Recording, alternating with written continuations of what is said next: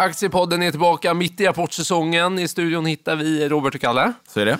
Eh, och idag har vi mycket att prata om. Eh, igår kväll, eh, i förrgår när lyssnarna lyssnade på detta, kom Fed med ett nytt eh, räntebesked. Det måste vi prata om. Det påverkar börsen mycket. Och sen har vi ju fullt med rapporter på Stockholmsbörsen. Nu är vi verkligen igång i den här rapportperioden. Vi befinner oss mitt i den. Mitt i den. Kul, då kör vi igång.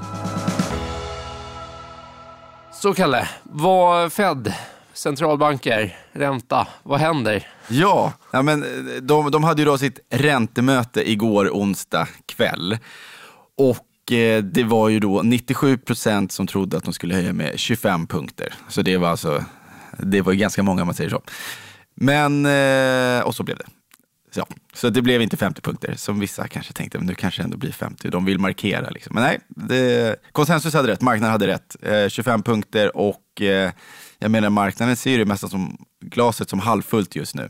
Så att det här var ju också positivt. Och man känner väl att en räntetopp ändå, den, den är ju väldigt nära nu. Nu är frågan, ska de höja 25 punkter till nästa möte eller tar det till och med stopp här? Eh, de flesta tror väl ändå att vi får 25 punkter till, men sen så är det klart. Och det är väl det här, antar jag, att marknaden känner att men nu kanske vi kan släppa det här. Och det är väl lite med så här, ja, grönt ljus för aktier lite grann. Och, eh, ja, men, och sen får vi väl se lite grann eh, någonstans varför de kommer sluta höja räntan och varför marknaden tror att de ska sänka räntan under andra halvåret handlar om att ekonomin kommer se så pass svag ut också. Så det där håller vi fortfarande på att klirra oss i huvudet över när det ska synas på allvar. Vi får in ändå relativt bra rapporter på, på många håll. Även om vi ser viss marginal eh, squeeze på, på, på vissa andra håll så är det väl ändå överlag en ganska bra rapportperiod. Och eh, det känns väl som att eh, just nu så ska det ju komma in här, vi fick ju hög inflationsstatistik från Spanien för några dagar sedan, vilket blev en liten påminnelse om att vi kanske inte ska räkna ut den där inflationen helt än. Men, men någonstans känns det väl ändå som, som att vi gör det. Och även att Fed faktiskt vågade prata om att de ser en inflation som har kommit ner lite grann. Det är spännande hur ändå marknaden reagerar så kraftigt tyckte jag. Alltså, många aktier rallade ju rejält igår Mm. på det alla förväntar sig. Alltså, Jag vet inte om det är det här, vi har varit inne på det här med aktiepositionering eller aktieexponering. Det är fortfarande, jag kommer inte ihåg, men det är väldigt många strateger där ute som fortsatt är negativa till aktier. Men den stressen som, som det ändå blir, om du då har en lägre exponering mot aktiemarknaden än vad du brukar ha i din portfölj exempelvis. Det är klart att du känner stressen och då kanske gårdagens räntemöte blev en sån här grej att nej, men vi måste ju haka på det här. Vi kan ju inte stå utanför och kolla på Stockholmsbörsen idag. Vi är upp 1,5 procent. Du rabblade några starka rapporter innan vi satte igång här. Eh, det, det känns väldigt, väldigt starkt just nu och då tror jag att det kan eldas på av den här stressen. De som ligger lite utanför, de som har för mycket kassa kanske mot vad de brukar ha och sådär. Just det, och eh, bara ett exempel som jag tyckte var lite intressant igår. Eh, Meta kom ju med en rapport igår. Jag har inte hunnit eh, kolla ordentligt på rapporten, men det är ju Facebooks ägarbolag. Eh, och eh, någonstans, omsättningen var lite över förväntan, men lönsamheten mycket sämre. Eh, de annonserar något stort eh, återköpsprogram och så vidare. Aktien är upp 20 procent. På riktigt. Hur sjukt är inte det? Men det är ju någonstans där, när det är lite nedpressat, många står utanför och känner att så här, nej, men vi måste tillbaka. Uh, nu, nu är det en uh, bull market och vi måste hänga på. Ja. Exakt så. Och det gör det ju väldigt, väldigt svårt. Det, det tar ju emot lite grann att, att köpa mer här och nu. Men, men det kanske är rätt. Och det blir ju också, för vår kortsiktiga portfölj så blir det ju ännu knepigare.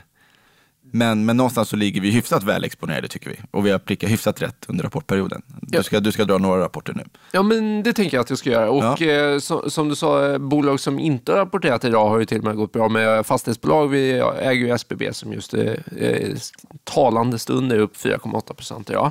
Det tackar vi för. Vi har även Embracer i portföljen som är upp 9 procent på inga nyheter överhuvudtaget idag. Eh, det tackar vi också för, men också en väldigt nedpressad aktie. Det är ju vår sämsta aktie i portföljen tror jag mm. Kanske Truecaller. Men i övrigt så det är ju lite nedpressat. Men vi har också lite bra rapporter. Eh, framförallt det alla vill höra om är väl småspararfavoriten Evo. Eh, var det liksom Finanstwitters mest omtalade aktie 2021 eller? Så var det nog. Ja, så var det nog. Eh, men eh, Evo, eh, live casinobolaget eh, stark rapport. Eh, jag gillar eh, Eh, Martin Karlsson som är vd, Han, han har ju varit ganska försiktig i sina uttalanden med att prisa sig själv. Det gillar jag. Han har ofta liksom lagt in något att så här, men jag är lite besviken över det här och det här. Eh, detta kvartalet säger han att han är ganska nöjd på många plan, men det är den här RNG. De har ju sin, de har två huvudsakliga delar, live casino-delen och RNG. Live casino är till exempel när du eh, står och eh, någon filmar någon och så spelar du blackjack, liksom, mm. fast på mm. distans. Eh, med RNG är lite mer turspel kan man väl kalla det. Hur stor del av omsättningen Oj, liten. liten. Uh, ja. Så live casino är liksom? Live casino ja. är grejen. Ja. Um, RNG det är ju gammalt förvärv av, vad heter det, Netent va? Mm. Um, mm. Men... Just det, gamla Netten. Mm. Ja, eh, det är ju ett smart sätt att inte ha så stor konkurrens och köpa mm. upp alla. Mm. Men i alla fall, eh, jättehög tillväxt totalt. 36 procent på koncernen, men RNG hade väl bara 5 procent eller något sånt, fast de har guidat för lite mer. Men marginalen, ebitda, så det är ganska högt upp, men ändå så här, det är ju helt galna marginaler, den här 16 69,2 procent. Och det möjligtvis negativa som några tog fasta på var att de guidade för 2023 med, eh, till i år så guidar de på marginalen på 69 till 71 procent. För nästa år guidar de 68 till 71 procent. Så lite, lite nedjustering. Men det är ganska viktigt att säga där att här, vinst per aktie, om du tappar en procentenhet på marginalen när du ligger så högt, vinst per aktie påverkas inte alls lika mycket. Ah, om du däremot går från 1 procent till 2 procent marginal, då dubblas vinst per aktie. Mm. Och den är ändå lite viktig att få med sig tror jag. Och det är väl lite därför som vi ser att marknaden inte lägger så mycket vikt vid det. Aktien är upp 6 procent. Ja. Um, och eh, vi handlades på P 21 för 2023 år. Vi förväntar oss 25 procent tillväxt någonstans. Så det känns ju som att det går att räkna hem. Det här är ju portföljens klart bästa innehav. Vi är upp till 40 45 procent mm. Eh, på aktien, vilket är ganska sjukt på ett OMXS30-bolag. Um, men det är vi glada för. Men och det är också en lönsam tillväxtresa som har goda förutsättningar att fortsätta. Det är väl det, är väl det vi känner. Ja, för det finns en underliggande marknadstillväxt. Alltså ja, så här, framförallt då USA som man har pratat om. Mm. Um, det växer på. Mm. Vi tackar och tar emot. Skål på det. Ja. Eh, nästa bolag, ja, Kinnevik. Eh, det har ju varit ett litet eh, spel på att eh, den värsta blåsten är över vad gäller inflation, räntor och så vidare. Mm. Eh, dels har vi ju Tele2 där som har gått okej, okay, inte jättebra. Eh, och sen har de en stor kassa och sen så har de den här onoterade portföljen som är grejen som är grejen. Och det är ju olönsamma techbolag med hög tillväxt och det är ju det sämsta man kan äga 2022. Frågan är om det är det sämsta man kan äga 2023. Och eh, de skriver ner värdet ytterligare 10 procent, vilket ju såklart är en viss svaghet eh, för i senaste kvartalsrapporten. Då ville de lite sätta i marknaden att detta är den sista nedskrivningen vi tar. Um, men det var det inte. Men uh, som sagt, de skrev ner ytterligare 10 procent. Jag hade räknat med 15 procent, så det mm. var ju ändå lite positivt då. Och men, där någonstans kanske marknaden låg också. Ja, kanske, så. för aktien är upp 6,3 procent. Ja. Så att, uh, men det kan ju komma kommande nedskrivningar också. Det är ju lite så svårt, för det här är ju verkligen um, skrivbordsvärderingar. Eh, så. Det finns ju ingen eh, aktiekurs på detta. Um, men, men någonstans så ser man väl det scenariot med att långräntorna har kommit ner lite. Eh, I den här kalkylen blir det inte lika illa. Tele2 ger Kinnevik bra utdelningar. De har en stor kassa. De behöver inte ta in något externt kapital utan de ska nog bara försöka rida ut den här bäsvågen som ändå har varit på börsen. Det väl, känns inte så just nu. Men eh, rida ut det och sen låta de här tillväxtbolagen växa och förhoppningsvis så lyckas de hitta rätt på något ställe där det också blir lönsamt och så vidare.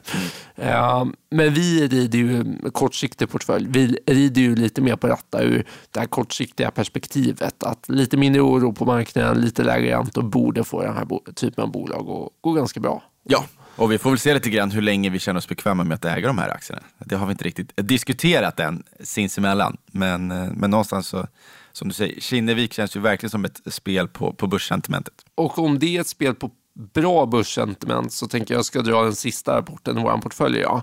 Eh, Europris. Ja, det är kanske är lite tvärtom, eller? Ja, det... Om börsen går upp 30% då kan du nog räkna med att eh, Europris inte gör det på ett år. Men går, en, går börsen ner 30% så kanske Europris eh, går betydligt bättre. Slår index i lite alla fall. Lite så i alla fall. Ja, verkligen. Eh, Ja, men det var en väldigt bra rapport eh, skulle jag säga överlag. Eh, Europris då, eh, omsättningen steg 6,8 procent tror jag.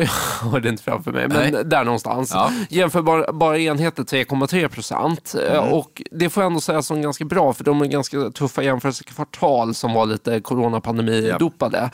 Och i Q3 så var det minus 3,7 procent i jämförbara enheter, 2 procent eller något totalt. Man kan ju utgå från att det är en ganska stor priseffekt där, Eh, så volymmässigt kanske det är lägre volym. Ja. Eh, För vi har ju liksom en matprisinflation kring 20 procent. Jag tror inte europrisprisinflation är riktigt lika stor, men någonstans så kan man väl säga att 3,3 procent tillväxt, eh, då är det nog en vol- negativ volymtillväxt, eh, så att säga. Men och i- lönsamhetsmässigt, jag tänker med tanke på Axfood du fick igår på hemmaplan, som ju var ner 4 procent, där de bland annat sa att eh, vi har svårt att höja priserna ännu mer, trots att våra leverantörer höjer priserna, så att våra, vår lönsamhet pressas lite. Var det någonting man kunde... Jo, men eh, exakt. Eh, Lönsamheten var lite lägre Mm. eh, än tidigare, men det hade ledningen guidat för ganska hårt. Att så här, det här är orimliga nivåer som de har haft under pandemin. Och det, man har sett det ganska tydligt på bruttomarginalen har ökat 3-4 procentenheter under pandemin. Och nu så tappar de 2,5 eller någonting där, jag har det inte framför mig. Men så, så det var högre än eh, både mina estimat och eh, snittkonsensus eh, på lönsamheten. Men det är inga stora skillnader, men lägre än eh, jämförelsekvartalet. Eh, men som sagt, det känns ganska rimligt. Och det känns som att, det verkar ju som de flesta hade räknat med. Aktien runt nollan, upp lite grann, en procent kanske. Men så är det en bra rapport då, Ja, ändå. det får vi vara nöjda med. Ja, Så nu, har vi inte, nu har vi inte portföljen framför oss, men vi kan väl gissa i alla fall att vi, att vi behåller ett hyfsat avstånd till börsen, även om den går starkt. Men vi Ja. kan väl några procentenheter i alla fall. Ja, men det tror jag. Och eh, eh, jag tycker ändå det är lite spännande som du var inne på. Eh, rapportperioden tycker jag snarare började jättesvagt och jag var jättenervös och kände att så här, det här är ju bara blodblad. Och Mm, sen det var många besvikelser där i början faktiskt. Verkligen. Och mycket fokus på, på, på lönsamheten också. Dometic var ju en rysare. Ericsson var inte kul, H&M var inte kul. Det var många, många folkaktier där. Överlag, är man sugen på att plocka upp dem? Jag vet inte tusan alltså. Nej, just det. Hade du eh, någon kommentar på Nej, jag, folkaktierna? bara allmänt. Nej, jag vet att du skrev om det här. eh, Ja, och jag vet att du, att du var lite inne på H&M där ett tag också. Men att det Just inte... Känns inte så hett. Nej, nej, det gör ju inte det. Nej. det, det. Nej, jag lockas inte att köpa just nu. Nej. Varken Ericsson eller H faktiskt. Nej, det är... köper jag hellre annat som ser piggt ut. Om man tittar på det lite bredare penseldragen just nu eh, däremot, idag är en väldigt stor rapport då, ska sägas, eh, så har vi ju ändå så här, vi har Vitrolife eh, 12% upp, vi har SKF över 8% upp. Eh, vi har Electrolux förvisso som kom med en dålig rapport, minus Okej. 8%. Tänk att de alltid gör marknaden besviken. Ja, men Det är faktiskt helt otroligt. det, hur kan man lyckas med det?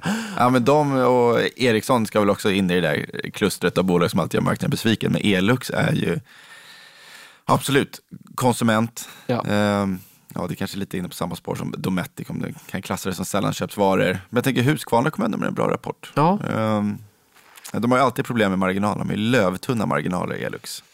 Det är lite farligt. Ja, det är svårt det där. Men stålpriset har ju gått ner mycket. Jag tänker att det skulle gynna dem, men det kanske inte gör på kort sikt. Jag vet inte. Däremot är det intressant att verkstad verkar ändå ha hållit emot okej. Som sagt, vi har Alfa Laval också upp 6 procent idag. SKF, bra rapport. ABB förvisso ner 1,5 procent. Okej. Eh, men inte eh, klappkast. Ehm, så att eh, jag tycker ändå att vi ser en viss styrka i rapportperioden, men det är ganska stor spridning. Ja. Det är många stora reaktioner i den här rapportperioden. Ja, verkligen. Vi hade JM igår upp 20 och vi hade, vad hade vi som var ner 20? Till Byggmax dagen innan. Ja, tung dag igår för undertecknad som har en eh, aktuell säljstämpel på JM från förra sommaren.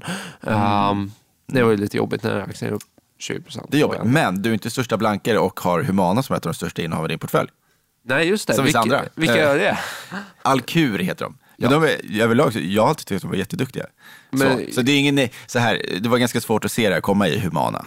Ingen skit på dem så, men det var en tuff dag för dem. Ja, för var inte det typ årets bästa hedgefond förra året? Alltså jag tror att det gick jättebra. Ja, vadå, och, och blankningen JM, den kan jag definitivt du skriva under på. Ja, Eh, jajamän. så att, så att, och det är lätt att köpa det, det kortcaset så. Ja. Så det, är inte konstigt på det sättet. Men eh, det var en tuff dag för dem i alla fall. Tråkigt. Ja. Mm. Men eh, Humana, eh, ändå säger jag tycker det är intressant. Det var ju det här indraget tillstånd på personlig assistans och grejer.